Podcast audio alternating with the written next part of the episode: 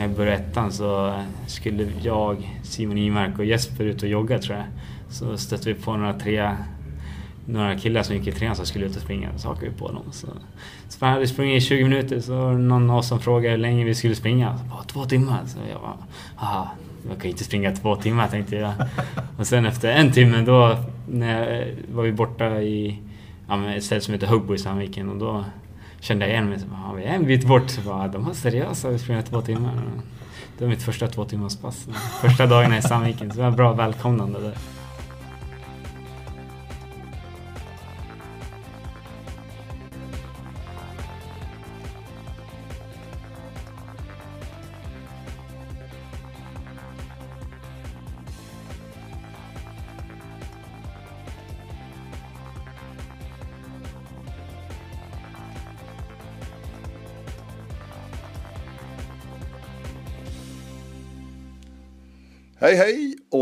Återigen varmt välkomna till Radio O-ringen Podcast avsnitt nummer 119 och den här gången en kille ifrån Falun född 1998 och som nu den här säsongen, det här året har tagit steget upp i seniorklassen.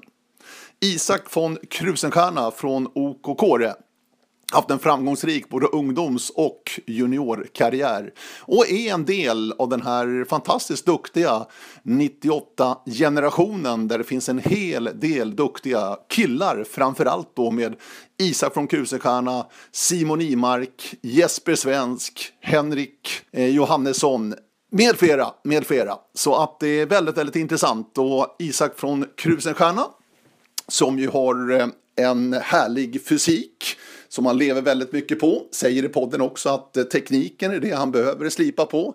Fysiken finns där och ser verkligen fram emot eh, det här första senioråret. Här blir det mycket snack om eh, hans karriär så här långt som ungdom och junior. Mycket om träning naturligtvis och även lite smått och gott. Han har ju gått till Sandviken till exempel. Bara det är också ett intressant ämne att toucha. Så varmt välkomna till Radio O-ringen Podcast avsnitt nummer 119 alltså. Hör gärna av er inför fortsättningen av våren, inför sommaren med önskegäster. Har en hel del eh, besök och gäster inbokade framöver. Många spännande möten blir det, det kan jag lova er verkligen. Men nu alltså till avsnitt nummer 119 med Isak von Krusenstjerna från OKK i Falun. Och frågan är till att börja med Isak von Krusenstjerna, det här namnet som han bär. Vad vet han om det rent historiskt, bakåt i tiden? Det är den första frågan till Isak. Ja, mindre än vad jag borde veta tror jag. Eh, jag får den frågan ganska ofta. Ja, får du det? Ja, absolut. Jag tror aldrig jag frågat dig nämligen. Ja, nej. Nej, men många inom tidskrets är folk vana med namnet men när jag stöter på folk som inte har hört det innan så undrar de, Odde eller någonting? Jag har ingen aning själv faktiskt. Du vet inte själv? Nej, det kommer från min pappas sida och jag har inte kontakt med min pappa längre så det, nej, jag har ingen aning. Nej. nej. För det är ändå ett namn som sticker ut sådär. Ja, absolut. Så är det ju. Ja. ja. Jag tänker i skolan och sådär när du har vuxit upp också. Har det varit något sånt där som folk har hajat till på? Ja, det är klart. Det är inte jag hade någon lärare någon gång som kallade mig för von Knorring. Han hade bara läst kort på efternamnet. Då började alla i klassen skratta. Vad kallar han dig för det? Han hade bara läst kort. Ja, men det, det är lite speciellt. Ja. ja.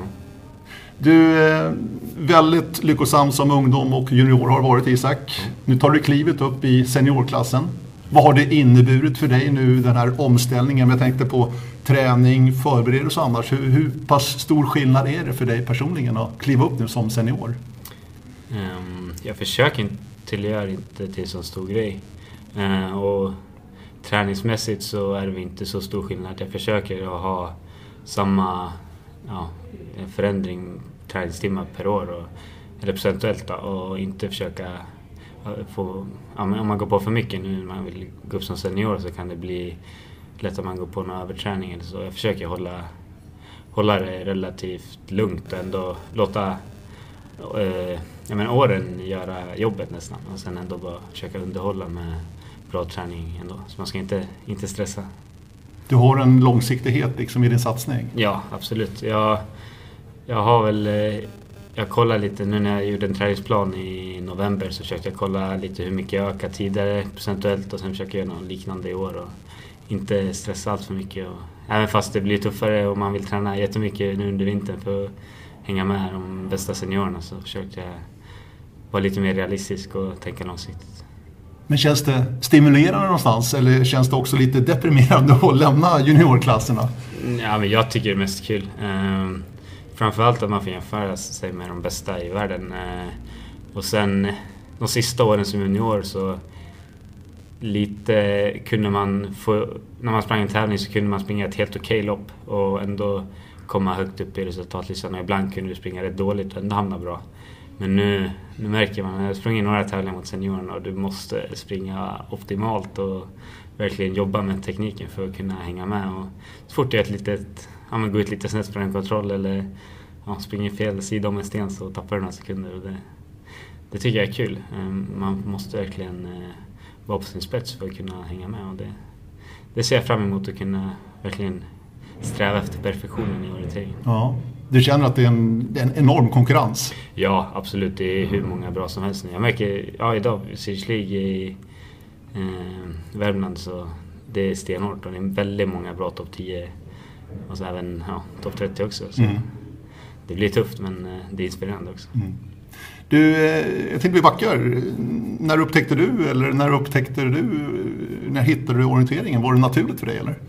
Nej, eh, jag kommer ju inte från en orienteringsfamilj direkt utan det var när min stora syster började orientera när hon var runt 10 som jag hakade på där lite och sen på det spåret var och sen nu på senare dagar så har håller hela familjen på, ja, vi har blivit en orienteringsfamilj med åren. Men eh, ja, det är inget, inget, mina föräldrar har inte hållit på med orientering när de var, var unga och under deras liv men eh, nu, nu är det full fart. Ja, vad spännande. Mm. Kommer du ihåg dina första stapplande steg eller? Nej, jag kommer, jag kommer ihåg jag sprang U2 på O-ringen något år och jag kommer ihåg när jag stämplade ut och fick jag en jättelångt kvitto på alla, då hade jag sprungit förbi och stämplat på alla kontroller som fanns. Men jag, hade oh. tagit, jag blev uppföljd så jag hade tagit alla kontroller som jag skulle ha i rätt ordning. Så jag blev godkänd ändå. Men jag kommer ihåg att fundera på varför jag fick så lång lapp. Alla andra var mycket kortare. Men det, jag hade sprungit och stämplat på varje kontroll. Vilket O-ring var det? Kommer du ihåg det? Eh, det var, jag tror 2007 kanske. Ja. I, var Hälsingland? Just det. Ja, för jag, ja, 2006 faktiskt. 2006. Ja, för det var sandigt. Det är ja, det jag minns. Ja, åtta var... år är det då. Ja. ja just det. Men det var min första åring också. Spännande. Ja. Det, det minns jag, men jag minns inte mina första orienteringssteg. Det är svårt att, Nej. svårt att sätta pengar på. Ja. Men när känner du att du har talang och kan lyckas inom det här? Ja, När får du dina första framgångar liksom? Um, jag har inte riktigt några riktigt bra minne från det, men jag minns O-ringen i Sälen. Eh, det var väl ja, det var O-ringen man kunde jämföra sig med de, alla från Sverige. Och då kom jag fyra totalt och då var det så ja, men det var, det var ändå bra. Jag kände att ja, men det är kul när man lyckas. Så det, man fick ju liksom en svung i motivationen då. Även fast man bara är tio år så det är inte så att man satsar seriöst. Men det var ändå kul, och, kul att komma bra. Och mm. se att man kunde komma bra på en så stor tävling som O-ringen. Ja. 2008 du var alltså, H10 som du säger. Ja. Och fyra blev du där, men det är bra ju. Ja, jag blev fyra. Um, då gick det rätt snabbt ändå från 2006 till 2008 där. Ja. U2 liksom och sen... Mm. Ja. Jag var inte jätteavancerad orientering då men eh, jag har väl alltid varit aktiv som ung men jag hade väl fysiken ganska tidigt också så själva löpningen kom väl ganska naturligt men ja, kartan, eh, det var inte jätteavancerat till den tiden men man behövde ändå ha koll men ja. Jag sprang väl lite snabbare än vad huvudet hängde med också vissa gånger. Men det där har du följt det lite grann för att löpningen känns som att du har väldigt naturligt Isak. Ja, jag vet inte riktigt när det blev så egentligen. För jag var inte så...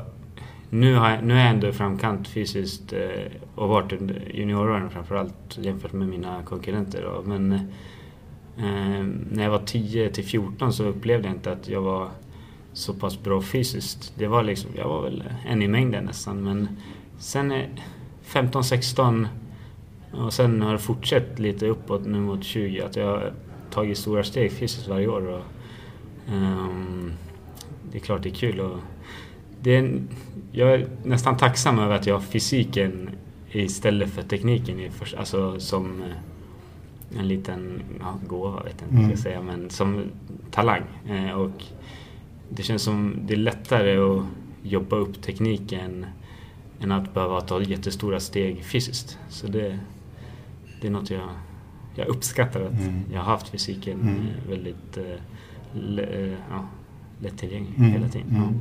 För i, dagens orientering så är ju löpningen extremt viktig. Ja, du måste vara en riktigt, riktigt bra löpare. Mm. Ja, så absolut. Så, men jag märkte också nu, nu när jag är senior, då, nu är jag inne i mängden fysiskt och alla, alla som är i topp är väldigt bra fysiskt. Eh, sen så, nu är det mest det tekniska som avgör, även fast man måste vara väldigt bra fysiskt också. Mm. Speciellt när man kommer ner på södra Europa och lite längre ner så då är det fysiken i första hand och sen lite mer lättare tekniskt nere mm. där och då, då gäller det att hänga med fysiskt. Mm. Vi ska komma tillbaka till lite grann hur, hur du tänker rent träningsmässigt och annat. Men låt oss ta oss tillbaka till ungdomsåren. Mm. Eh, en sak jag har tänkt på är att Jesper Svensk, då, Stora Tuna-killen, mm. är också född 98 som du är. Ja. Ni har ju växt upp tillsammans och mött varandra oerhört många gånger. Mm. Vad har det gett dig, tror du, den här konkurrenssituationen med, med Jesper? Ja, bra fråga. Jag tror att det har varit väldigt bra för mig. Eh, dels att man har alltid någonting att sträva efter. För jag och Jesper var lite... Vi var väldigt jämna men jag tror han ändå var lite snäppet bättre hela tiden under ungdomsåren. Eh, så jag hade alltid någonting... När man slog Jesper då gjorde man ett bra lopp. Det var lite så. Ja, jag kan tänka mig det. Ja. Lite kvitto någonstans. Ja, men precis. Och sen, det var inte bara Jesper i Dalarna. Det var...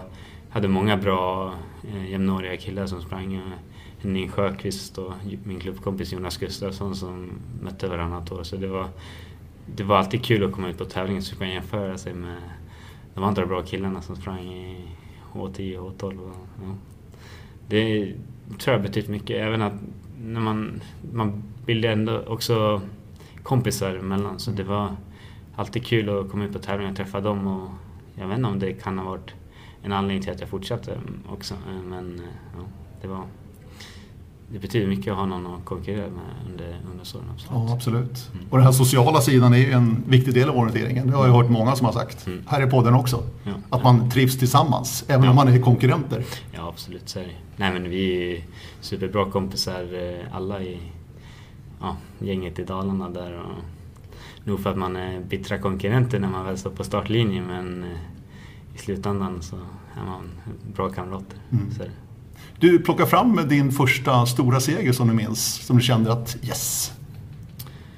Um, min första stora seger? Uh, jag, O-ringen i Boden faktiskt. Uh, 2013 mm. kanske var? Ja, H15? I H15, precis. Det var då jag tog ett steg fysiskt det året och sen uh, under O-ringen så fick jag en bra vecka. Två riktigt bra första etapper som jag vann ganska rejält. Jag tror jag ledde med fem minuter efter två etapper. Och det var för mig väldigt förvånande, för jag hade aldrig vunnit en etapp innan 2013. Eh, det var så? Ja, nej. Jag var nära 2014, nej 2012 i um, Halland, Halmstad. Halland ja, mm. precis. Men uh, då kände jag att jag hade farten men inte tekniskt. Och sen uh, Boden, då klaffade allt och då, då gick det bra. Mm. Mm. Så det var det. Det var startskottet på den stora segern, absolut. Det är lika bra vi tar din O-ringen-historik. Sedan 2013 är ju helt enorm Isak. Du har vunnit alla år totalt utom ett. Mm. Och det var väl 20, nej, din första år som H17-18 va? Ja, precis. 2015 blir det alltså? Ja. I, Då har det. I Borås. Ja, ja precis. Precis. Nej, nej, jag vad, vad beror det där på? För att det är ju helt enormt. Alltså, det verkar vara i fysiskt toppslag verkligen den här tiden på året. Mm. Det här är slutet på sommaren liksom. Och allt stämmer och det verkar trivas som bara den med det här formatet. Ja, jag funderar lite på det där. Alltså, jag ser mig själv som, om jag ska eh, liksom klassificera mig som en orienterare så ser jag mig inte, så, ser jag mig inte själv så stark tekniskt. Utan det är fysiken jag har i första hand. Eh, och då tänker jag att det borde inte gå så bra på O-ringen då eftersom jag svajar lite hit och dit. Men på något sätt har jag ändå lyckats på O-ringen. Och dels så är jag på något sätt alltid i bra form under sommaren där. Verkligen? Ja, det pass, jag vet inte, det, på något sätt så passar det bra att springa tävlingar där. Ja. Eh, så, eh, men eh, varför jag lyckats så bra på O-ringen, det är en bra fråga. Men, kul tävling, det är Ja. klart en höjdpunkt på året. Och sen så har vi en- på senaste tiden har jag även, man har lagt lite mer krut på O-ringen också. Speciellt som ungdom i slutet på ungdomsåren och i början på junioråren. Men sen har JVM kommit i första hand men eh, JVM har alltid varit i närheten av O-ringen så man brukar ofta behålla formen till O-ringen eller så brukar den bli nästan bättre till O-ringen för mig. Ja. Min lekmannaanalys då lite grann kring dina framgångar är att det är fem dagar. Mm. Du har ändå råd att göra lite missar under den här veckan men ändå totalt sett under fem dagar så är du starkast. Mm. Ja. Att du har lite, lite utrymme liksom för att göra några minuter här och var. Mm. Jo, så kan det mycket väl vara. Ehm, varje år så har jag nog fått till minst en eller två riktigt bra etapper som man plockar någon minut på de flesta. Och sen får man alltid någon dipp. Det är väl väldigt svårt att undvika under touringen. eh, Att man inte får den dåliga etappen. Men eh, ändå hålla ihop det. det ja. Jag har tänkt lite på det där. Jag, jag har ändå tänkt lite för mig själv att jag har ändå fem segrar på de senaste sex åren. Ja, helt Ja, enormt. det, jag är imponerad av mig själv faktiskt. Där. Och speciellt att jag har tre segrar på de fyra elitklasserna. Det är också det är någonting jag har reflekterat över på senare år och det är jag faktiskt väldigt stolt över. Mm. Vi kan nämna det året du inte vann, då blev du tvåa. Ja, Så att det är rätt nära ändå. ja. En bra, bra rad där Ja, precis. Ja. Men jag tänker så här också, O-ringen är ju ändå en fantastisk vecka med mycket kompisar och det är en, det är en underbar vecka liksom om man gillar orientering och Ja. träffa polare. Men ändå måste du leverera för att vinna liksom de här juniorelitklasserna. Det är extremt bra startfält. I somras i H20 lite i Övik var det ju fantastiskt bra startfält. Både de bästa finnarna och norrmännen var där. Det. Hur hanterar du det för att ändå kunna leverera och prestera på dagarna? Man, får- man får inte drälla för mycket, man måste ändå ha ett visst fokus. Ja, nej, Annars går det ju inte. Nej men jag har väl alltid tagit orientering i första taget. Så här, eh, det, det sociala ändå kommit i andra hand. Visst, Alltså, på kvällarna så går man och lägger sig lite tidigare för att ha, eh, vara fullt återhämtad dagen efter. Och, eh, det är klart, Orin har alltid varit en viktig tävling på året. Och man vill prestera bra. Och speciellt när det är så bra startfält så vill man ändå visa de andra vad man går för och vad man kan. Och då är det perfekt att leverera på O-ringen. Mm. Känner du att du fortsatt har det drivet liksom inför O-ringen nu som senior också? Ja, det har jag. Eh, absolut. Eh, det ligger bra i tiden som sagt för mig. Eh, jag är alltid i bra form där och Ja. eh, på något sätt så har det passat bra att springa på sommaren. Men eh, det är klart det blir tuffare som senior. Och, eh, vi får se hur det går i sommar men jag vill såklart springa bra. Så det. Mm. Du, eh, vi tar oss tillbaka till juniortiden. Vi har varit där nu också rent O-ringenmässigt. Men junior-VM sprang du tre gånger. Ja. Första året då som H18, sista års H18, 2016 blev det. Mm, i ja, Schweiz. I Schweiz. Ja. Och det är ditt bästa JVM. Mm. Överlägset bästa. Ja. Där plockar du medalj i princip varenda distans du ställer upp, utom medeldistansen. Mm. Vad, vad hände där? Ja, väldigt bra fråga. Eh, året innan så var jag väl, jag vet inte om jag var besviken och inte kom med, men Simon kom med i mark som Mm. är jämngammal med mig. Och det är klart det var lite tändvätska för mig. Eh, för då visste jag att jag kan vara med nästa år om jag tränar bra under vintern och lyckas träffa formen på testerna. Eh, och sen så kom jag väldigt bra form till JVM eh, fysiskt och det var väldigt fysiskt JVM. Det gick ju på hög höjd. Jag tog lången, vi startade nästan på 2300 meters höjd eh, och eh, det var väldigt många som kroknade efter varvning. Det var ett enkel, eller mer teknisk inledning eh, innan vi kom till varvning och sen gick vi ner 100 meter på en lång sträcka och sen så skulle vi springa upp för någon monsterbacke där och då var det många som kroknade men eh, ja, jag var bra form fysiskt den veckan och tekniskt så klaffade också. Vi kom tillbaka till det här med formen hör du. Juli igen. Mm. Det är sommaren som är din grej. Ja, Rent fysiskt, formmässigt känns det som. ja det Du måste så. analysera det där. Ja, absolut. Men eh, det har väl varit bra de senaste åren och varit bra form i sommar. Men jag brukar vara väldigt stark under vintern upplever jag under, när, man tränar, när jag tränar rätt hårt. Att liksom, jag svarar bra på träningen och kan springa hårt på de snabba passen. Och, eh, liksom, jag står mig bra jämfört med mina konkurrenter under vintern. Men sen på våren så brukar jag få en liten formdipp. Jag vet inte vad det beror på. Senaste åren har det varit så. När jag vill vara i bra form så har det blivit att jag blir nästan i sämre form än på vintern. Vilket är frustrerande men eh, ja, jag har försökt att analysera det men vi får se hur det går framöver. Precis. Ja. ja. Du, jag har lite notering här vad det gäller JVM då. Eh, där i Skål i Schweiz då. Eh, jag var ju själv på plats där, det var ju fantastiskt härligt. Mm. Trea sprinten. Ja. Trea på långdistansen. Tvåa i stafett blev ni. Yes. Och sexa på medel då. Mm. Och dessutom 2016 så tog du fyra SM-guld i H18. Mm. Och ett magiskt år du hade. Ja. Dessutom i stafett. OKK vann ju stafetten det där ja, året.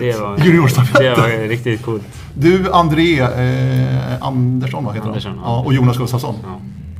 Det måste varit lite överraskande för er också? Ja, absolut. Men vi visste att vi hade ett bra lag. Eh, att det var ganska öppen stafett det året. Eh, det var många lag som var helt okej okay, men inget som riktigt stack ut. Och sen så visste vi vad vi kunde och så fick vi ner tre stabila lopp och det var det är bland de större segrar under min karriär. Ja, det är, jag ja, förstår absolut, det. Är, ja, lagsegrar är något speciellt. Ja, absolut. Jag vi har ju inte vunnit någon stor stafett innan och sen att lyckas på SM. Eh, jag bodde ju även med Jonas och André i Sandviken ett år i samma lägenhet. Då, André sprang inför Västerbergslagen ett tag men så lyckades vi snacka över han till kåren och sen så hade vi ett mål att jobba för och vi sa att om du byter till kåren då kan vi lova dig ett SM-guld.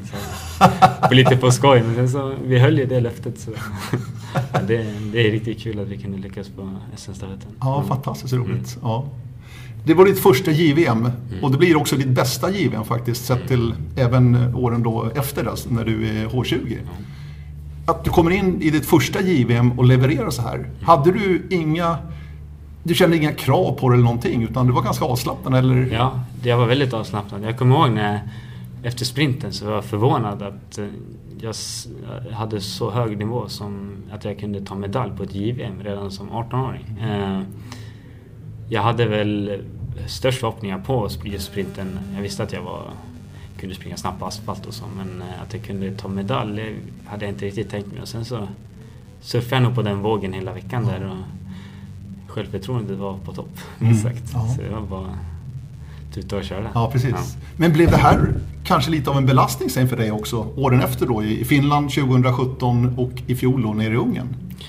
Ja, det kan det ha varit. Ehm, efter JVM i Schweiz så då börjar man ju tänka liksom hur man ska kunna springa bra de kommande år och mm. Börja tänka hur många medaljer kan man samla på sig under, jag har ändå två år kvar, man kanske kan samla på sig åtta. Det där är farligt! Medaljer. Ja precis, och sen så, sen så väl, när man väl står på startlinjen, jag tror inte det är en belastning just där och då men eh, jag har haft problem att hitta formen på JVM eh, de två senaste åren. Eh, framförallt som har haft det har liksom varit, varit svårt att hävda mig fysiskt just då. Eh, vilket är svårt att säga varför. Jag har försökt analysera och försökt hitta någon, någon, X-faktor men ja. väldigt svårt. Och, ja. svårt men sen veckan efter O-ringen har det funkat jättebra istället. Ja, absolut. Men det har ändå varit... Jag, under JVN och senaste åren ändå... De två sena, kom, ja, senaste åren så har jag tvivlat lite på min kapacitet. Eh, under just själva veckan. Eh, men eh, sen Varför då? Ja, men speciellt i Finland. Då hade jag väldigt svårt fysiskt och jag, jag hade ändå tyckte jag hade tränat bra in, på och eh, hade toppat formen som jag brukar. Det brukar oftast vara bra då men just i Finland så hade jag ingen form alls. Så tänkte jag, får man ju för sig att man kanske inte är bättre än så här. Men sen två veckor senare så vann jag ju O-ringen som 19-åring mm. på 20 elit. Det, det tror jag är min största O-ringen-seger. Ja, du säger det? Ja, absolut. Det var så... Du var här i Värmland? Ja, det var jag precis här. Ja. Ganska nära här där vi ja, är faktiskt. Absolut. Ja. Uh, nej men det var väldigt skönt att hoppa tillbaka efter ett tufft JVM. Uh, jag, jag tvivlade på mig själv många gånger där innan men sen efter O-ringen då... Det var en skön revansch att kunna visa alla andra vad man hade för kapacitet också. Så, mm. Mm. Och sen då sista året som eh, junior då förra året när det var nere i Ungern i väldigt speciell mm. terräng. Ja, det var speciellt. Och varmt. Extremt häftig karta måste jag säga. Mm. Väldigt vacker att titta på. Ja. Mm. och varmt var det också, precis. Ja, ja. Mm. Men då var det sista chansen för dig. Mm. Kände du det också? Att det här, nu, nu, nu, nu måste jag liksom få till det? Ja, så var det absolut. Ehm, det var sista chansen och sen så... Jag kände att terrängen passade mig bra. Det var väldigt hårt i marken oftast eh, där vi sprang och på träningskartorna så fick jag väldigt bra flyt och kunde utnyttja min fysiska kapacitet. Eh, men sen på... Väl på lången så... Det var väldigt mycket mer sand än vad jag hade förväntat mig. Jag vet inte, jag har inte analyserat så mycket men jag tror det kan påverka lite att jag, inte, jag är inte en superbra sandlöpare tror jag. Mm. Och att det, det sänkte mig lite eh, och därför var jag en bit efter. Och även där så började man ju då fundera, bara, jag kanske inte är bättre än så här. Så, så började tankarna gå. Mm. Men sen slog du till igen då, i Övik och O-ringen. Ja. ja. Veckorna senare bara. Ja, ja. Du kanske behöver JVM liksom för att komma upp i, i, i farten? Ja, jag har försökt eh, för JVM. Eh, ja, jag förstår skulle jag gjort om jag hade tänkt efter lite. Men, ja, exakt. Ja, det, det går att analysera länge varför det är som det är. Men, Ja. häftigt att höra, verkligen. Du, eh, gymnasiet gick du i Sandviken, vi hörde det bara som i förbigående. Mm. Hur, hur var det för dig? Det var väl först och främst var det ett ganska naturligt val. Eh, Både min stora syster gick i Sandviken, eh, sen var det väl flera från klubben som Fredrik Edén sprang i för på den tiden. Mm. Han gick i Sandviken och sen var det två, två tjejer, ja, min syster och en, hennes kompis som gick i Sandviken och sen även Jonas Gustafsson som gick i Sandviken. Så det blev ganska naturligt för mig att börja Sandviken. Jag hade var rätt inställd på att gå till orienteringsgymnasium ganska tidigt. Ehm, och då, Sandviken låg nära till hands, bara 50 minuter från Falun och eh, jag hade hört bra rykten om Sandviken så det blev ett naturligt val. Mm. Vad vad är det bästa tycker du med att gå på ett idrottsgymnasium? Eh, dels så får man utvecklas som person väldigt mycket. Eh, Flytta hemifrån menar du? ja, absolut. Mm. Eh, Ta hand om sig själv på ett annat sätt. Jo. Ehm, och sen så det är en eh, bra lärdom både att man får ta hand om sig själv träningsmässigt men även lära sig att styra upp en vardag och allt vad det innebär. Så man, man växer som person. Mm. Men det är klart det är väldigt personligt hur man klarar av att hantera det också. Jag tror att jag relativt mogen eh, som 15-16 år när jag började och klarade av det rätt bra men sen så eh, det är klart det är ändå en påfrestning för man är, man är inte gammal när man börjar ett Nej. orienteringsgymnasium. Nej. Nej, man är inte det. Tänkte träningsmässigt, eh, bollplank och sådär på, på skolan, har det fungerat bra för dig? Ja, det har funkat bra.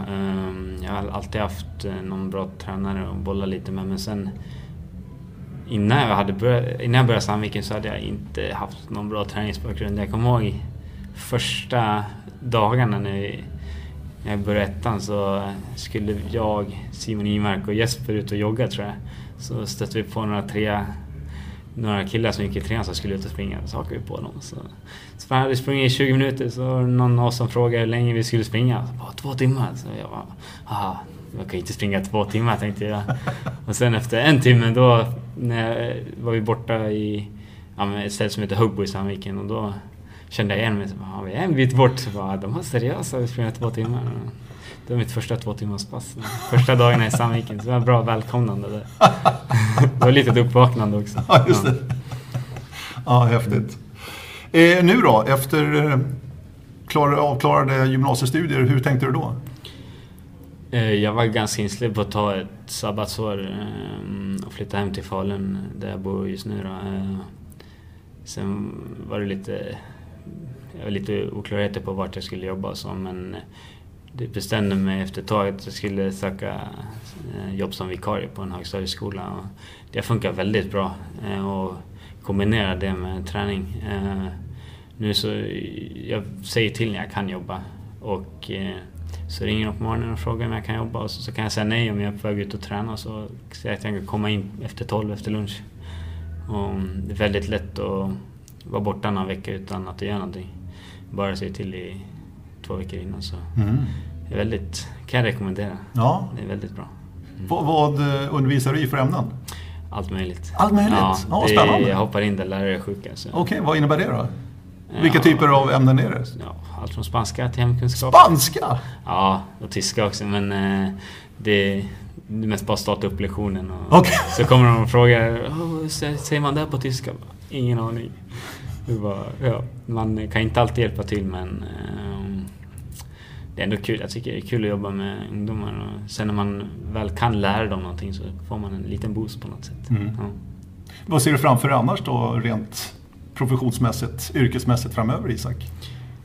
Um, det lutar inte åt lärare kan jag meddela. Men, det är så alltså? Ja, nej, det lät väldigt ja, positivt. Det, jag tycker det är kul. Eh, men eh, jag tror inte det är jobbet för mig ändå. Eh, jag har tänkt att börja plugga nu till hösten på någon civilingenjörsutbildning. Mm. Jag har ju två dagar på mig att söka. 15 april är sista. Och det är nu ja, just ja, det. Så jag har några dagar att fundera på vad jag ska välja. Men... Du ska slänga in någon ansökan i alla fall? Ja, absolut. Jag siktar på att börja plugga. Sen vart det blir och vilken eh, inriktning det får visa sig. Men det lutar väl åt Göteborg som för många andra. Ja, verkligen. Ja. ja. det är intressant för att den miljön har ju växt väldigt starkt nu de senaste, mm. inte bara åren, men under ganska lång tid. Mm.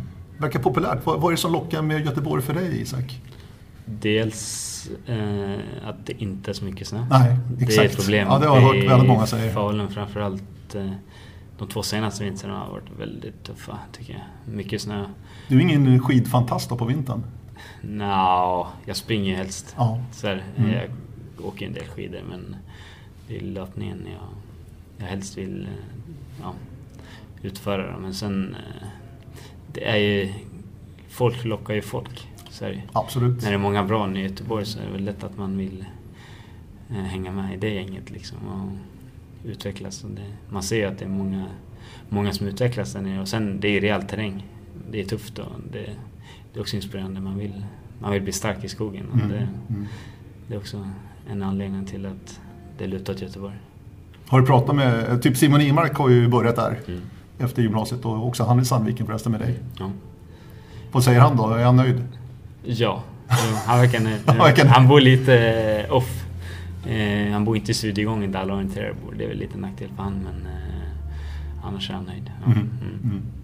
Du är en del av, precis som Simon Imark då, och Jesper Svensk vi pratade om tidigare också, eh, del av den här fantastiska 98-generationen på killsidan. Mm. Vi pratade tidigare om Jesper Svensk och dig som ungdom där och de andra Dala-killarna. Men just den 98-generationen genom juniorrollen också, vad har det inneburit för dig tror du Isak? Att ni har varit så duktiga och triggat varandra känns det ja, som. absolut. Det, det betyder mycket att man har folk att konkurrera med. Liksom, man har aldrig haft en större... Alltså, jag har aldrig varit så mycket bättre än Simon eller Jesper så jag känner att jag kan slappna av. Och tvärtom att Simon, eh, vissa år han har varit lite vassare än mig och vissa år har jag varit bättre. Det går lite fram och tillbaka men man har alltid känt att man måste få en... måste träna på bra och springa bra tekniskt för att kunna hänga med där. Och det, det är klart inspirerande. Eh, och sen är det inte bara vi, det är många, Absolut. många väldigt bra Så är det. idioter. Ja. Det, det, är alltid kul när det är många som mm. är med uppe och slåss. Ja, mm. precis. Ja, men jag minns ju eh, Swedish League-avslutningarna i H20 var ju fantastiska tycker jag. Mm. Med jackstarten där. Mm. Och ni då, de här riktigt stora, eh, stora namnen. Mm. Hade ju fantastiska bataljer tycker jag. Mm. Alltså. Nej, ja, absolut. Sorry. Eh, det Minns i Hälsingland till exempel. Det var ju, det var ju mäktig. Ja, det var kul. Ja, det var riktigt kul. Du och Simon Imark mm. framförallt. Mm. Ja. ja, det var...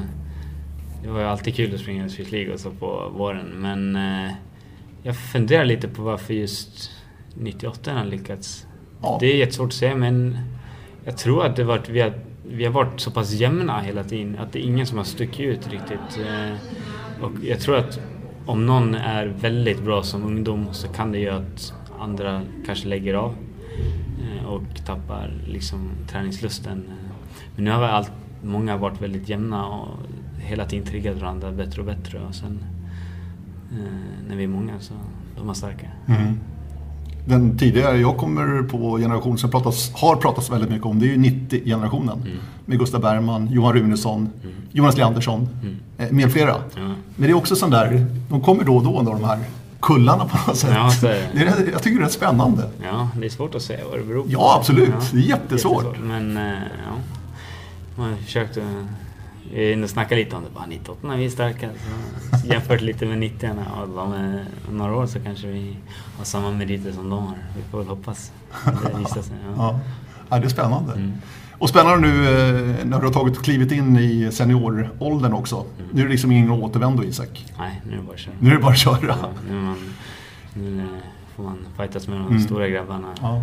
På varje tävling. Vi var inne på det inledningsvis att du har inte tappat upp det jättesteget utan du tar det pö om pö här och har, och har tålamod och en långsiktighet i det du gör. Mm. Men annars, träningsmässigt Isak, hur tänker du där? Du verkar köra mycket enligt, efter eget huvud. Mm.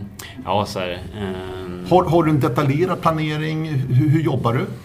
Tidigare år har jag väl varit väldigt... I Sandviken då får man ju allt serverat. Då vet man att på tisdag är det långpass ja, just det, ja. och på onsdag är det styrka och sen så får man köra någonting på eftermiddagen och så torsdag intervall. Då behöver man inte tänka så mycket men nu när jag har flyttat hem så har jag ändå försökt att ha relativt detaljerad planering och de senaste månaderna har jag gjort... Eh, I början av varje månad har jag planerat hela månaden. Det är klart det är svårt att planera i vad jag ska göra i slutet av april, i början av april men eh, ungefär och hur mycket jag vill träna har jag alltid planerat innan men sen eh, måste man ju vara flexibel. Om jag känner mig seg så måste jag hoppa över ett pass och det är inte hela världen med det men eh, jag försöker ha relativt eh, lång framförhållning. Mm. Och som är jobbet, man vet ju inte när, när någon är sjuk. Ibland kan alla vara friska och då får man kanske träna två pass ett tag och sen alla alla sjuka en dag, då får man jobba hela dagen och då kanske man får på över ett pass som man har tänkt. Eh, så att vara flexibel också men jag har en relativt bra översikt över träningen en månad framöver. Mm. Mm. Det är intressant. Jag träffade Kasper Fosser i eh, höstas här. Mm. Han är ju född 99, han är ju året yngre än dig. Mm.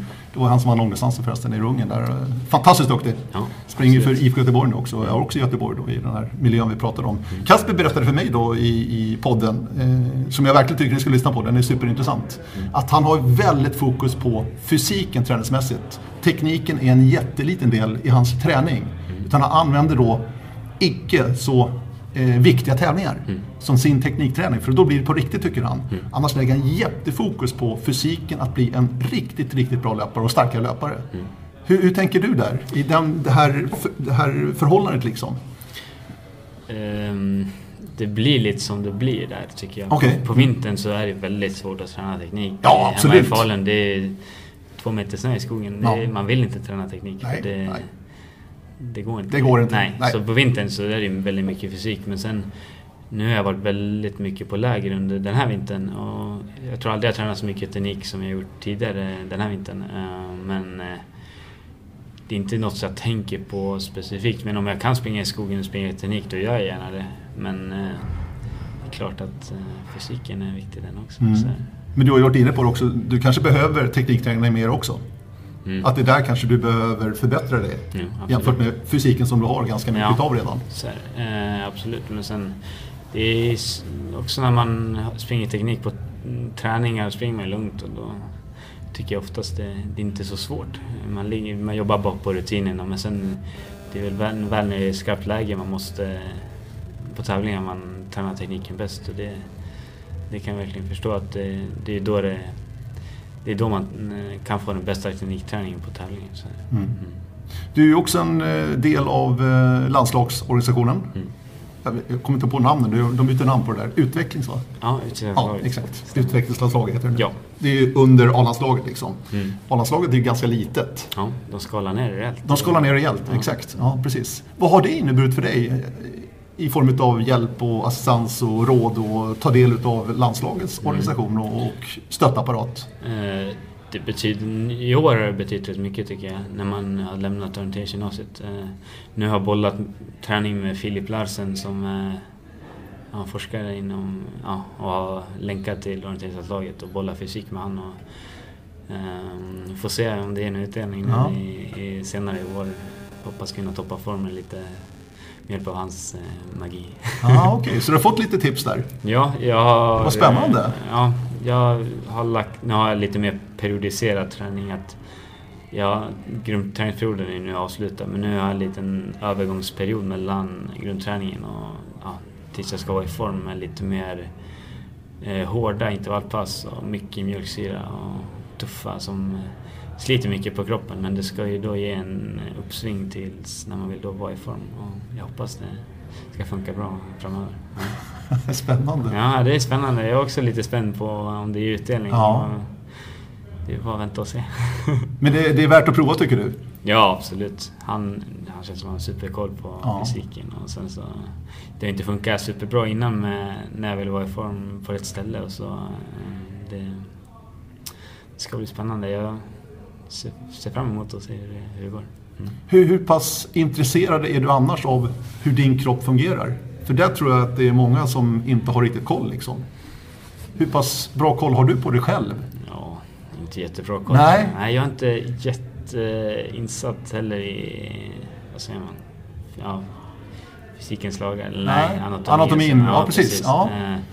Eh, och så, men bli, blivit lite mer på senaste. Men det är inte så att jag sitter och läser artiklar om hur kroppen fungerar efter träning och så. Men eh, man vet ju att efter träning måste man ha ett återhämtningsmål och för att kunna återhämta sig på bästa Mm. sätt. Och sen eh, har jag testat. Senast eh, någon månad sedan så hade jag någon glukosmätare för att se eh, ja, glukosvärdet under hur det påverkas av mat och träning. Och det har ändå gjort att man funderar lite att man kanske inte ska käka en eh, påse godis en timme innan träning för då är man helt förstörd på träningen till exempel. Mm. Så man har ändå blivit lite mer intresserad de senaste åren men eh, det är inget...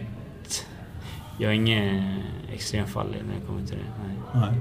Jag tänker matmässigt, kostmässigt. Du käkar liksom bara rakt Ja, av? jag tänker Eller inte tänker på du- jag nej. äter, nej. Men eh, det är också någonting jag funderar på senaste tiden också. Man ska, hur mycket man skulle kunna påverka och hur mycket det gör beroende på vad man äter. Men jag tänker att om jag äter mycket och är tillräckligt så får jag den energi jag behöver. Mm. Mm. Nu är det senior. Du har precis inlett seniorsäsongen. Mm. Eh, jag tänker ta mig tillbaka till natt-SM. Mm. Som var den första stora tävlingen här i Sverige. Liksom. Eh, även om det var natt. Där du var på väg mot något riktigt stort Isak. Ja, du det gjorde ett bra lopp där ju, Ja, i stora helt- delar. Ja, absolut. Det kunde bli en riktigt cool eh, Ja, start på senior. Så kändes det. Ja, gud. Efterhand så... kände du själv också att det gick bra? Nej, det var väldigt... Eh, det är svårt när man springer så länge. Man får ingen indikation på hur bra det går. Jag hade inte sett så många löpare ute på banan men sen i slutet så kom jag ikapp några helt okej löpare som jag såg hade rätt höga startnummer. Så bara, men kanske går rätt bra ändå. Men eh, jag var inte riktigt skärpt i slutet. Nej. Jag tror det var för att jag inte riktigt insåg hur bra det hade gått. Så jag la ju bort eh, ja, en och en halv, två minuter i slutet så blev det ju bara. Men eh, Mm. ja, det grämer lite över det nu i efterhand. Och jag har sett GPSen några gånger in mot slutet där, så har man, jag hade väl 15-20 sekunder in mot Absolut. tredje sista Ja, så är det ju. segran. Och, ja, det kunde ha blivit en natt att minnas, det har jag tänkt många gånger. Men eh, ja, jag tänker att eh, chansen att vinna SM-guld kommer senare. Ja. Ja. Natt annars, är det någonting du gillar eller? Ja, det är kul att springa natt. Det tycker jag. Men det är väl inget jag lägger extra mycket energi på. Men det blir mycket natt nu i vinter när vi är på träningsläger med landslaget. Då kör vi, varje kväll kör vi natt Diamond med massstart. Och då, det gäller att hänga med tekniskt. Och det är alltid det är roligaste träningarna på lägret när man får ut och springa natt mot alla andra. Då får man smyghetsa lite. Vi ska ju springa lugnt på dem egentligen. Men så ja, det blir alltid någon som springer lite snabbare. Så försöker man hänga på där. Så, så, ja. mm, det är kul. Du, annars eh, genom åren, framförallt då junioråren när du har blivit lite mer vuxen, liksom, har du haft målsättningar inför varje säsong? Tydliga mål du har satt upp eller hur, hur jobbar du? Ja, jag har väl eh, haft tydliga mål. Det eh, som junior så har JVM naturligt blivit det största målet. Och vissa år lyckades jag bra på JVM, men vissa år lyckades jag mindre som i Finland och Ungern. Och det är klart, i Finland var det väldigt tufft när jag inte lyckades uppnå det jag ville, men i Ungern så på sprinten så... Jag hoppade, jag stämplade fel på sprinten. Eh, Det känns som att du hade vunnit det där nästan. ja. Om du inte hade hoppat rätt. Nu är det om här. Ja precis, ja, det är ju väldigt mycket om men då... eh, Det finns ju det fantastiska med Winsplit nu att man kan kolla hur man kan få en liten tröst Mm. och kolla på Winsplit efter en tävling och på JVM då såg jag att jag hade väldigt bra fart förutom att jag hade stämplat fel och det, det kändes ändå som jag fick en boost av det att jag visste att jag hade kapaciteten för att vinna ett JVM. På så sätt så blev jag relativt nöjd med tävlingen ändå i efterhand. Just där och då var jag helt förkrossad. Du har det? Ja, det var... Det var tufft att ta. Ja, absolut. Det var speciellt när jag, ett mål man haft att vinna JVM väldigt länge och sen så när man har en, en av de sista chanserna så Mm. fuckar man upp det. Så. Men du hoppade över en kontroll där ju. Ja, Kan du minnas vad, vad som hände? Har du försökt att rec- mm, ja, recap? Det, ja, många gånger. Vad är det som händer? Direkt dagen efter så vill jag inte ens försöka tänka på det för jag blev så jävla arg bara eh, på det när jag tänkte på det. Men sen senare så har jag, det är direkt efter varvning, eh, varvningskontroll och sen så har vi, ska vi bara runda ett hus och plocka en kontroll in eh, i en liten, ja men in på en park och sen måste vi vända utifrån kontrollen för det är häckar runt om kontrollen. Och jag springer och så springer jag över en kontroll som står i ett hushörn. Så stämplar jag där eh, och tänker att jag då är vid min kontroll utan riktigt reflektera överhuvudtaget. Och sen utifrån kontrollen när jag läser utifrån den kontrollen så tänker jag att jag är vid rätt ställe och får inte ihop det. Och springer och... Men det är nog mitt i en park så det finns en stor fontän mitt i parken som jag lyckas eh, läsa in mig på. Då är jag väl väl nöjd när jag hittar vart jag är. Liksom. Då är det bara att blåsa på igen och sen har vi den kontrollen som jag stämplade på senare på loppet som tredje sista. Och när jag väl kommer dit så känner jag att jag känner igen den här kontrollen. Och då, just där så kopplar jag allting att varför inte stämde utifrån kontrollen och att eh, även Elias Jonsson startar en minut framför mig och eh, jag, jag ser han, han är kanske 15 sekunder före mig vid varningen. Men eh, när jag springer på sista slingan så lägger jag märke till att jag inte sprungit om honom någonstans. Och jag ser inte honom någonstans. Och helt plötsligt så möter jag honom och jag har sprungit om honom. Jag vet inte vart. Och när jag väl kommer till den kontrollen där jag stämplat tidigare så kopplar jag att, det, att jag har tagit den tidigare för eftersom det inte stämde och det är därför jag sprungit om Elias utan att ha märkt det också. Så då, de sista, ja, det blev en liten halvspurt på det där gymmet och det, jag kommer, det var lite jag hade tagit ledning med över en minut. Spiken trodde inte heller på det, kändes lite som det. Och sen så när jag hörde publiken hade nog sett det också, så jag hörde när folk hejade, det kändes inte riktigt eh, äkta heller. Så det, var, nej, det var tufft. Ja. Mm. ja, lärdom. Ja, absolut. Är det ju. Ja. ja. Mm. Men det är svårt att sprinta där, alltså det är så pass kort mellan ringarna och svårt att se allting i den farten ni håller. Mm. Ja. Nej, efterhand så det är helt... Eh, ja, många gånger man tänkt mm. hur man tänker. Jag förstår inte hur jag tänkte där. Det är två helt olika kontrollpunkter. Mm. Mm. Jag måste, vid den kontrollen som jag ska ta, måste jag vända ut och när jag springer in då springer jag bara rakt på. Ja. Nej, i stundens hetta kan man, har man bra fantasi. Så mm. mm. Tillbaka till det här med målsättning. Nu som senior, Isak, vad, vad har du satt upp inför den här säsongen då? Ditt första som mm. senior? Det är väl, jag hade väldigt svårt att sätta något mål. Ehm, det är väldigt svårt att veta hur det ska gå. Ehm, klart att man har haft lite indikationer på eh, hur det ska gå som junior, när man springer som junior. Jag har ändå sprungit Horstedt några tävlingar och känt på hur det är. Men det är ändå väldigt svårt när jag skulle sätta något mål i år. Och, eh, jag tänker att jag tar lite som det kommer men jag, ändå, jag vill ändå springa någon världscup. Det är det som är målet. Ehm, så vi får se om det blir nu till Finland eller om det blir senare på året. Och, eh, man får ändå inte vara allt för hård på sig själv. Det är ändå de bästa i världen man tävlar mot nu och det är inte, det är inte helt enkelt Nej. alla gånger. Nej. Du har ju varit med på en del läger med landslaget här i, under vintern kan vi säga. Mm. Eh, jag har, jag ska inte säga vem som har berättat för mig, men många har varit imponerade av din löpstyrka. Mm. Att du liksom bara har försvunnit ibland liksom upp för vissa kanter. Har du ja, känt det själv också? Ja, det funkar väldigt bra. Eh, på träningslägren. Jag har känt att jag hänger med eh, de bästa i landslaget eh, fysiskt. Så. Sen även på vissa tekniktränare så hänger jag med eh, väldigt bra. Det är väldigt mycket energi, speciellt som förstaårssenior. Jag skulle nog själv bli lite irriterad om jag några år senare så kommer någon liten skitunge och ska försöka hänga med och springa ifrån en vissa gånger. Men det, det ger väldigt mycket energi och det är självförtroende också. Ja. Så det är frustrerande sådana dagar som idag när man inte riktigt eh, får till det. Och man vet att på träning så hänger man med men inte på tävlingen när det väl gäller. Så det, ja. Hur ser du annars då på disciplinerna? Sprint och medeldistans är ju same same ungefär som, som juniorerna, alltså mm. rent tidsmässigt. Mm. Däremot långdistansen blir ju någonting annat nu. Mm. Vad ser du? Ser du långdistansen också som möjligt redan i år för dig? Svårt att... Att, kon ja, att konkurrera alltså? Eh, jag hoppas kunna hänga med helt okej. Okay. Eh, jag lite över när jag sprang ultralång-SM i eh, höstas att när jag kom i mål så hade jag varit ute i 1,40 ja, tror jag. Så då tänkte jag att det här kommer vara mina vanliga långdistanser ja. nästa år och då blir man ju lite skraj så här. Men eh, jag hoppas kunna hävda mig helt okej. Okay. Det är klart jag inte ska... Jag kommer nog inte vara bäst på långdistans i år. Eh, det är klart man får ta, det får ta den tid det tar. Och, men det finns exempel på juniorer som har lyckats väldigt, eller förstås seniorer som har lyckats väldigt bra som på långdistans. Eh, ja, tänker på Olle Boström. Mm. Eh, och, ja, det är coolt. Ja, det väldigt är, coolt. Verkligen. Det är klart, det, det är någonting man vill lyckas med. Mm. Mm. Ja, det är ju en annan 90 förresten. Ja, ja, ja exakt. Ja. 2011. Ja. ja. Mm. När han sprang så bra på VM nere i Frankrike där och blev sexa. Mm. Mm. Det var fantastiskt. Annars då, är disciplinerna i sig? Du har varit inne på lite grann kanske. Är sprint fortfarande din favoritdisciplin eller? Ja, lite favoritdisciplin vet jag inte Nej. vad jag ska säga. Men jag hävdar mig bäst på sprint skulle jag vilja påstå.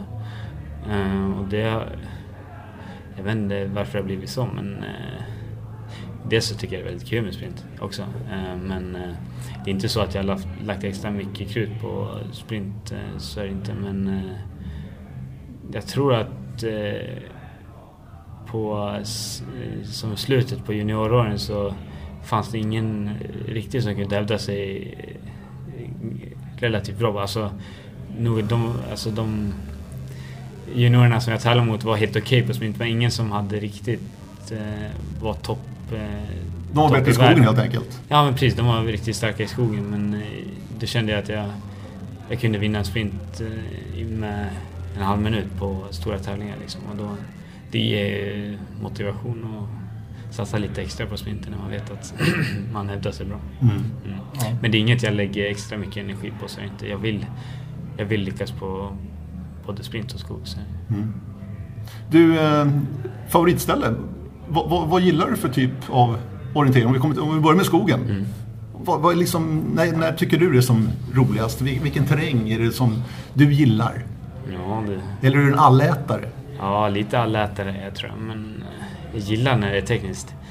Eh, trots att jag inte är den bästa teknikern. Men, vad menar du då? Ge lite exempel på typ områden ja, Uppsala, som... Uppsala, typ Lunsen alltså? Ja, Lunsen är kul. Eh, sen finns det en del bra, ja men Övik, mm. väldigt fint. Och sen här också i Värmland, eh, som idag, det är kul orientering. Så, mm. Och sen Dalarna, vet jag, det är inte riktigt det blir ju lite så när man bor i Dalarna att man inte riktigt uppskattar terrängen som finns där.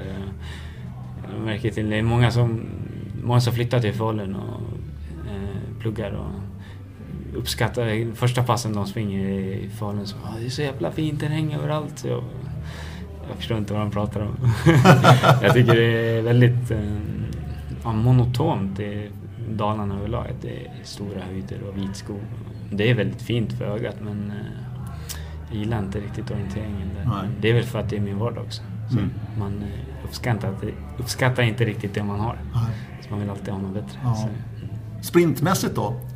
Jag har ju hävdat tidigare i den här podden och jag generaliserar lite grann. Ja. Men Norge, Sverige och Finland, alltså uppe i Norden här, mm. så finns det väldigt få bra sprint. Mm. Städer, orter, kalla vad du vill. Mm. Det är lite för fyrkantigt, lite för tråkigt kan jag tycka. Men då kommer det på kontinenten. Italien, Schweiz, kan man få fantastiska sprintområden. Mm. Det är väldigt tricky och ja, häftigt. Håller du med mig lite grann? Ja, det stämmer ju helt och hållet. Men eh, jag tycker nästan det är två helt olika sätt att orientera på. Ja. Eh, alltså, den teknik man tillämpar i svensk, en svensk stad, den går inte att använda i en uh, italiensk bergsby. Det blir helt annat. Mm. Det, man ska inte tro att man kan komma ner till Italien och dominera som svensk eh, om man är bra i sprintar i Sverige. För det, det är helt annat. Men eh, väldigt kul att springa sprint i Italien. Jag var på MOOC för någon, ja, några veckor sedan och sprang en del riktigt coola områden med det är mer trappor än gator och städer som ligger på en bergskam. Liksom. Det, det är något utöver det vanliga. Så. Ja, mm. ja, häftigt. Du, eh, tills vi avslutar nu eh, med att titta på VM-formatet som nu är. Det är ju skogs-VM i år då i Norge. Mm. mm. Nästa år blir det då ett sprint-VM-vecka i Danmark. Yes. Gillar du det här nya upplägget? Har du funderat någonting på det? Ja, jag har funderat på det. Först så var jag inte särskilt positiv till det. Eh, jag tycker att VM blir väldigt smalt det blir inte så mycket, många discipliner under ett VM men eh, det är väl även bra att man delar upp det och sen känns lite stress, det känns som att man har stressat fram det lite med knockout-sprinten. Att man måste skaffa ett tredje, en tredje sprintformat. Och då har det blivit lite kompromisser som behövs göras. Och det känns inte som den är helt genomarbetad än. Eh, men eh, att de delar på det helt okej. Okay, men jag skulle nog hellre säga att de hade tagit bara varannat år. För mm. att jag tycker att tidigare känns som att VM, om man eh, ja, inte lyckas på ett VM ett år så ja, men det är lugnt, man har ett år efter. Men om man skulle bara delat på det och haft både med alla discipliner varannat år istället så tror jag jag hade uppskattat det mer. Eh, och att det hade blivit ändå, det hade ändå blivit svårare att vinna VM. Men eh, ja, det är svårt att säga. Det finns mycket plus och minus med det. Men dels att skogs, det blir skogs och sprint-EM också. Ja. Och eh, det året i sprint-VM så är det ju skogs-EM. Och tycker det är lite motsägelsefullt att liksom antingen, man får välja antingen eller lite på, på vad man vill prestera på. Det, ja, det finns både plus och minus. Mm. Sagt. Mm.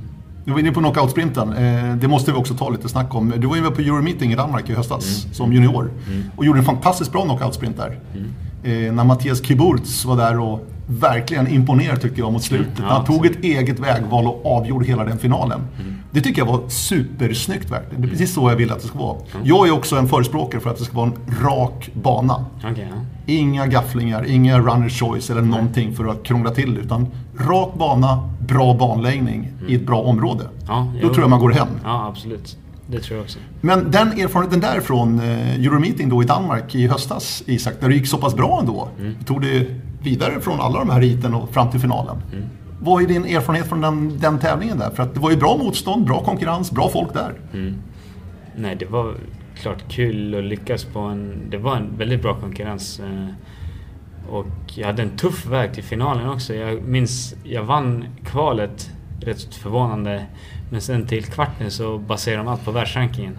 Och jag, hade, jag har inte så bra världsranking så då fick jag det tuffaste kvarten och tuffaste semin. Så på något sätt så lyckades jag ändå ta mig hela vägen fram eh, på en tuff, i en tuff väg fram till finalen. Och sen att komma hela vägen dit och känna att jag hänger med de som är bäst fysiskt eh, relativt bra. Och det är klart det ger inspiration och framförallt framåt VM när jag vet att det kommer bli en disciplin. Så det, det är väldigt inspirerande och mm. hoppas man får chansen om några år att springa VM också. Mm. Mm. För här var det ju rakt. Ja. Det var ju ingen gaffling då på det här Euromeeting eh, och gav ändå fina utslag. Vad hade du för taktik? Vad hade du för inställning när du stod på startlinjen? Uh, just då, på den tävlingen, så var det nog väldigt mycket att ha koll på. De, de, de hit som jag sprang så fanns det väl så att säga en naturlig ledare. En, en av, ja, det blir så alltså? Ja, en världsstjärna ja, lite som ja. var med och sprang. Och det blev lite att man, man förlitade sig på den och sen så försökte jag läsa in de sista kontrollerna och sen ge järnet därifrån. Mm. Och det lyckades jag väldigt bra med. Men det är kul också att man måste ändå lägga upp en taktik på något sätt. Och det visar ändå att man klarar sig, man kan inte vinna ett VM på att bara hänga sig till för då är det någon som ligger bakom och tar ett bättre vägval, då straffas man. Eh, men, mm. Eh, det var det som är så intressant med Mattias Kiburz då, mm. Eh, som jag hävdar är världens bästa orienterare. Ja. Han hanterar ju allting. Ja. Charmant, verkligen. Mm. Han, det var ju en passering då innan jag hade en slut, bara två kontroller kvar typ, mm. eller tre, ja, möjligtvis. Ja, ja, exakt.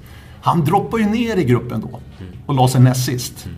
Och avvaktade och såg var de tog vägen. Då tog man ett högerväg och då stack han vänster. Vilket visade sig vara tillräckligt mycket snabbare. Mm. Fyra, fem sekunder kanske det var. Mm. Någonting sånt. Mm. Men det är också skickligt tycker jag. Ja, ja, Droppa ner i det läget, ja. avvakta och se. Äh, sticker de höger, då kör jag vänster. Kör de vänster, då kör jag höger. Ja, det var väldigt imponerande. Eh, speciellt det var han som gjorde det. Jag tänkte väl att han skulle vara fram och borra i täten och försöka styra hela fältet. Men eh, det är kul också att det blir mer taktisk disciplin eh, in i orienteringen. Eh, det har mm. inte funnits någonting sånt tidigare. Nej, det är helt rätt faktiskt. Och att det blir lite mer som jag ska inte jämföra med skidåkningen, men lite som sprint i skidåkning. Att man måste vara noga med hur man ligger till och tänka på avslutningarna, hur man ska agera. Och, så. Mm. och det finns många, många olika sätt att eh, springa bra på. Sen, eh, vi sprang en del knockout-sprinter med landslaget och sen sprang vi även på MOK nu och då hade jag ingen alls bra taktik. Nej. Och då sprang jag och försökte läsa kartan och inte ligga först hela vägen. Och sen så i slutet så har ju folk läst in i slutet och då hänger man ju inte med. Då hänger inte med, nej. Och då blir man ju avstängd liksom. Ja. Man försöker hänga med på kartan själv. Ja. Så, ja. Nej, det finns nog... Man kan nog sitta hemma och fundera en del på taktiken man ska använda när det blir knockout Mm. Ja. Men jag tror det är nyttigt precis att ni får de här genomkören då, för det är då man lär sig mest tror jag. ja, absolut. Hur man ska hantera situationen. Ja, ja. Tävling är bästa träning. Så. Ja, ja. Och som sagt var, det är VM i år i Norge, skogen. Mm. Det blir väldigt tufft att ta sig dit. Ja. Det kanske finns någonstans där i bakhuvudet hos dig också. Mm. Och så ett VM då i Danmark nästa år. Mm. Sprint-VM. Mm. Det ser du också framför dig någonstans kan jag tänka mig. Ja, absolut. Det är ett långsiktigt mål jag satt upp att verkligen försöka ta mig dit. Det är väldigt tufft i det svenska landslaget. Absolut. det. Men det känns lite mer öppet på sprint än i skogsdistanserna. Men eh, det är klart att eh, allt kan hända om man träffar formen inför ett VM-test nu i sommar så tror jag inte det är helt... eh, Att det inte är allt för långt bort heller. Men det är klart att ska man göra några riktigt bra lopp för att kunna ta sig dit. Men sen... eh, Det är nästa år jag har mer fokus på VM. Mm. Så. Mm. Du, avslutningsvis, det här blir sista frågan. Mm. Vad är det bästa med OK Kåre i Falun? Oj, det var en bra fråga. Det är en stor klubb. Det Ja, är men mycket det är- familjeklubb. Och, Mycket större än man tror tror jag. Ja, ja det är, vi tycker bra gemenskap i klubben. Och de fansen som man har i OK Kåre, de kommer man aldrig få någon annan klubb om jag skulle byta någon gång. Så det uppskattar jag väldigt mycket med OK Kåre. Ja. Vad gör de här fansen? Nej, men det är sådana som man får ett litet sms av efter en tävling eller innan en tävling som skriver lycka till och som har hängt med en sen man var, sen man var liten. Och det är väldigt kul att man får den stöttningen. Ja. Kul. Eh, tack Isak von Krusenstjerna. Tack själv. Gäst här i Radio O-ringen Podcast alltså. Hör gärna av er. Radio o-ringen.se är adressen som vanligt.